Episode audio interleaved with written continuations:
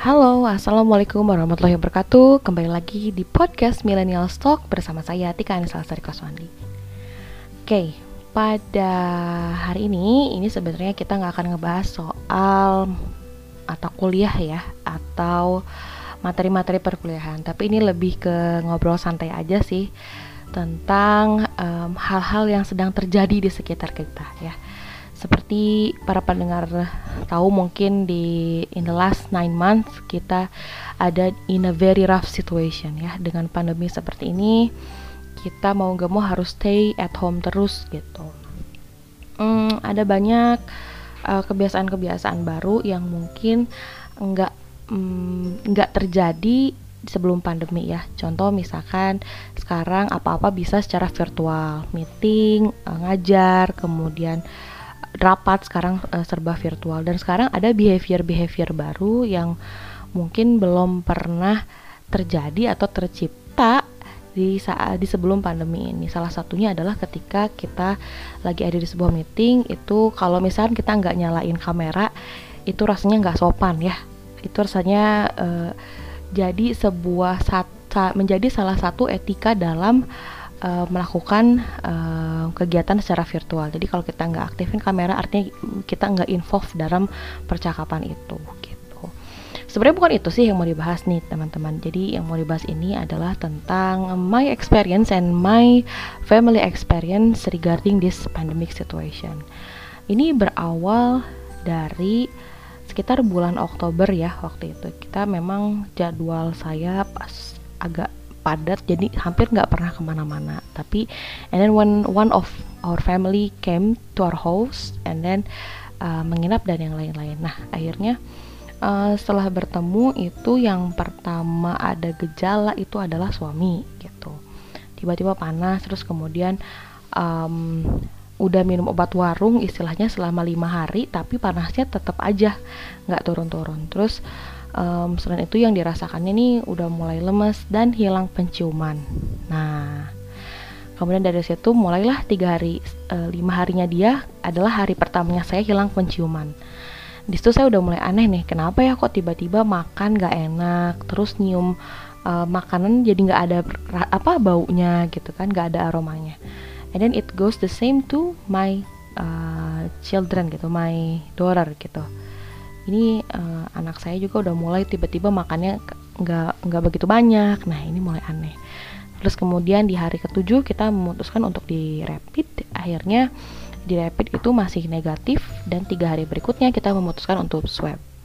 Akhirnya uh, hasil dari swab tersebut we were diagnosed uh, to have a positive COVID-19 gitu it was very sad and it was very dramatic karena kayaknya nggak adil gitu. Kenapa kok kita bisa kena padahal kita nggak pernah ke mana-mana? Kayak gitu. Terus oh ternyata bisa ya uh, jadi korban pasif gitu. Jadi ada um, maksudnya dari orang yang kena terus ke kita gitu. Kita yang sama sekali nggak pernah ke mana-mana kena juga gitu jadi korban pasif. Dan akhirnya kita memutuskan untuk uh, isolasi di rumah sakit karena isolasi di rumah nggak memungkinkan seperti apa sih tik gejalanya? Nah, ini mungkin uh, mau saya share karena saya ingin memberikan informasi-informasi yang mungkin teman-teman enggak dapatkan di media atau uh, di platform la lain ya. Karena saya um, dan keluarga mengalami akhirnya uh, mungkin teman-teman bisa lebih related gitu. Lebih kebayang oh seperti ini ya si virus COVID-19 ini tuh. Jadi gejalanya yang pertama khas banget itu adalah hilang penciuman. Jadi kalau uh, untuk mengecek lebih dirinya itu teman-teman bisa cobain kayu putih deketin sama hidung. Itu hidungnya hid, waktu saya ya ngalamin itu hidung kita tuh melompong banget, nggak ada nggak ada nggak ada ingus, nggak ada apa gitu. Tapi ketika nyium um, apa um, kayu putih itu nggak kecium sama sekali. Nah itu yang pertama. Kemudian kalau misalkan suami itu um, sampai panas ya yang sampai lima hari berturut-turut nggak turun-turun. Dan panasnya itu di atas 37,5 bahkan sampai itu di titik uh, kritisnya si suami saya ini sampai ke 40,7 40, sekian gitu. Dan meskipun termo apa hasil itunya demam ya hampir hampir 40 ke atas tapi dia nggak ngerasa ini tuh ya biasa aja. Bahaya nggak sih gitu. Untungnya ketika suami saya nge mengalami demam tersebut kita udah ada di rumah sakit. Jadi kita udah mendapatkan pertolongan-pertolongan uh, lebih cepat gitu ketimbang di rumah. Um, setelah itu setelah kita masuk ke salah satu rumah sakit swasta di Bandung akhirnya kita dikasih treatment itu treatment untuk antivirus selama tujuh hari. Sebenarnya uh, treatmentnya ini ini kita kasih dikasih obat minum antivirus tapi obatnya ini memang bukan untuk spesifik untuk COVID. Jadi ini antivirus se secara general aja gitu. Di dua hari pertama kita minum itu satu kali itu 8 tablet. Kemudian di hari ketiga itu satu kali minumnya hanya dua tablet. Nah kayak gitu.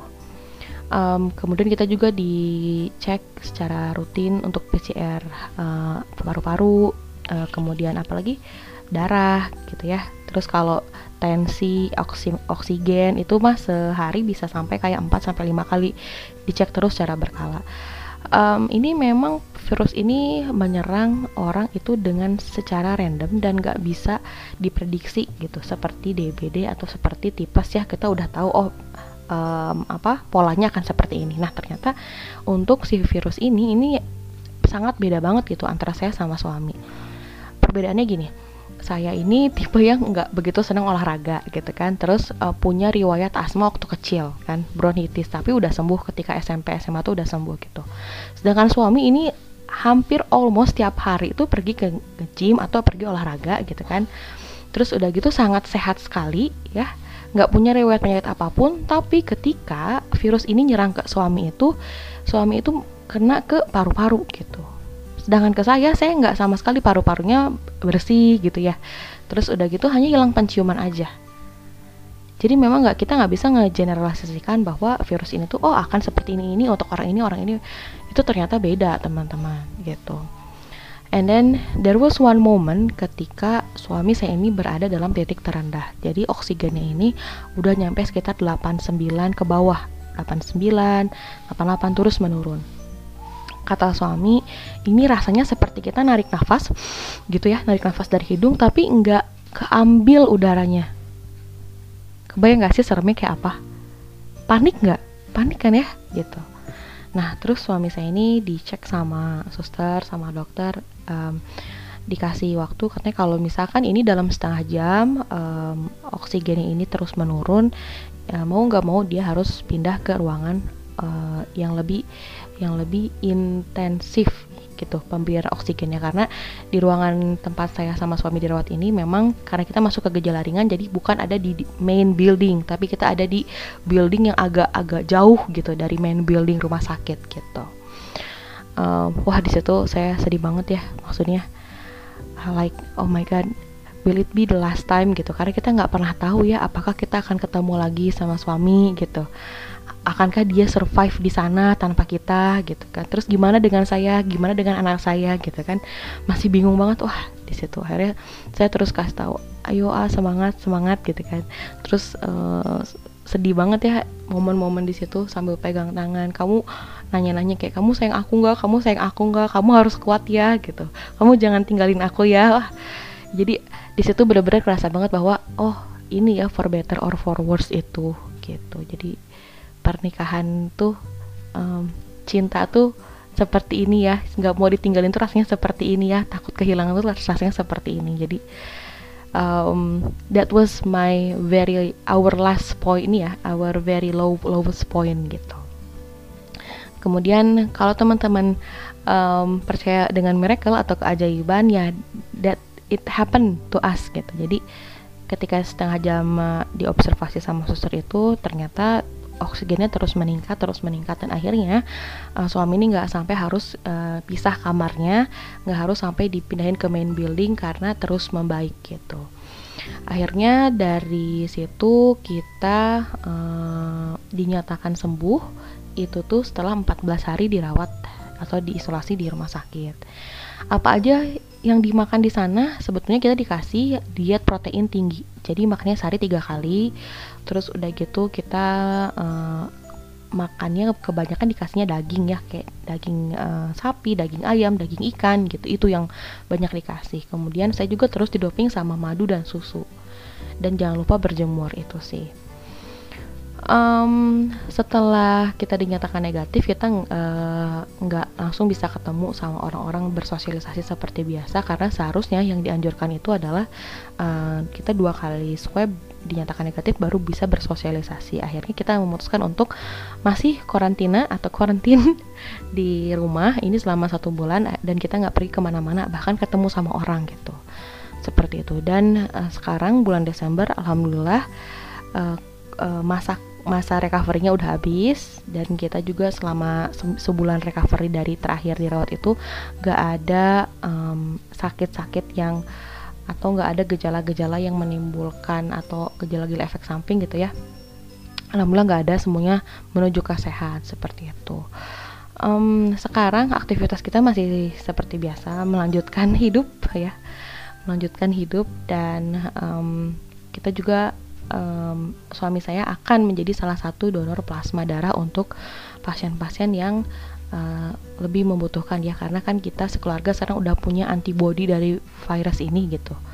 Udah punya antibody dan kita pengen um, in return membantu mereka gitu Hmm, sayangnya untuk donor plasma darah ini nggak semua orang bisa. Jadi memang ada kriteria kriteria tertentu.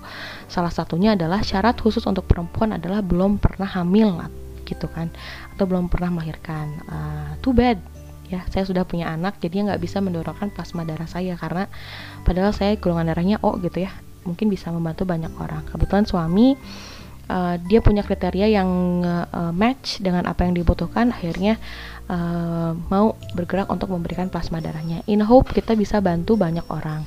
Dan sebetulnya kenapa saya speak up melalui podcast ini um, tidak berarti untuk menakut-nakuti para pendengar ya. But I just wanna share our experiences and I just wanna share our thoughts about this pandemic sehingga kita benar-benar aware dan benar-benar tahu bahwa virus ini tuh ada loh di sekitar kita gitu. Bahkan um, bisa aja loh ada korban pasif yang nggak punya salah yang udah mengikuti protokol banget tapi ternyata kena tuh ada aja gitu. Tapi in the end kita kembali berikhtiar memasrahkan semuanya kepada Allah Subhanahu wa taala ya. Karena kalau misalkan kita berbicara orang yang um, apa yang sering keluar rumah atau yang dealing dengan um, pekerjaan yang let's say um, um, kurang bersih, mungkin ada beberapa profesi yang seharusnya itu sudah menjadi uh, profesi pertama yang kena pandemi gitu, yang kena virus ini. Tapi ternyata enggak gitu, mereka sehat-sehat aja. Kalau misalkan kita berbicara adalah orang-orang um, yang kontak langsung ya, seharusnya kalau kita kalau kita punya persepsi gitu artinya para tenaga kerja kesehatan seharusnya jadi garda utama dan mereka nggak akan bisa survive tapi kan banyak sekali yang survive dan malah nggak pernah kena gitu jadi pada intinya memang ini sudah ditakdirkan oleh Allah dan ini ketika kita mendapat musibah itu kita harus menjalaninya dengan sabar ya dengan ikhtiar uh, karena saya yakin nggak mungkin nih Tuhan memberikan ujian kepada kita umatnya kalau tidak disertai dengan solusinya seperti itu.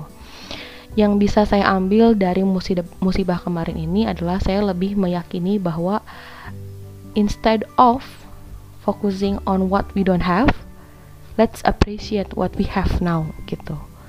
Jadi saya lebih mengapresiasi family saya, mengapresiasi um, rekan-rekan kerja, teman-teman, orang-orang terdekat, circle-circle yang paling dekat karena ternyata yang saya takutkan adalah stigma dari masyarakat ya tentang kita yang kena gitu. Kan kita ini bukan keinginan kita ya, kena kena dari virus ini. Memang kita minta, enggak kan siapa sih yang mau gitu. Tapi ternyata stigma-stigma itu mungkin ada di kota-kota kota-kota kecil ya, tapi untuk di sini di tempat tinggal saya di mana saya bekerja memang semuanya sangat um, support ke, ke ke saya gitu. Baik itu secara material atau non material dan itu memang yang dibutuhkan sama pasien yang sedang mengidap um, COVID-19 ini gitu.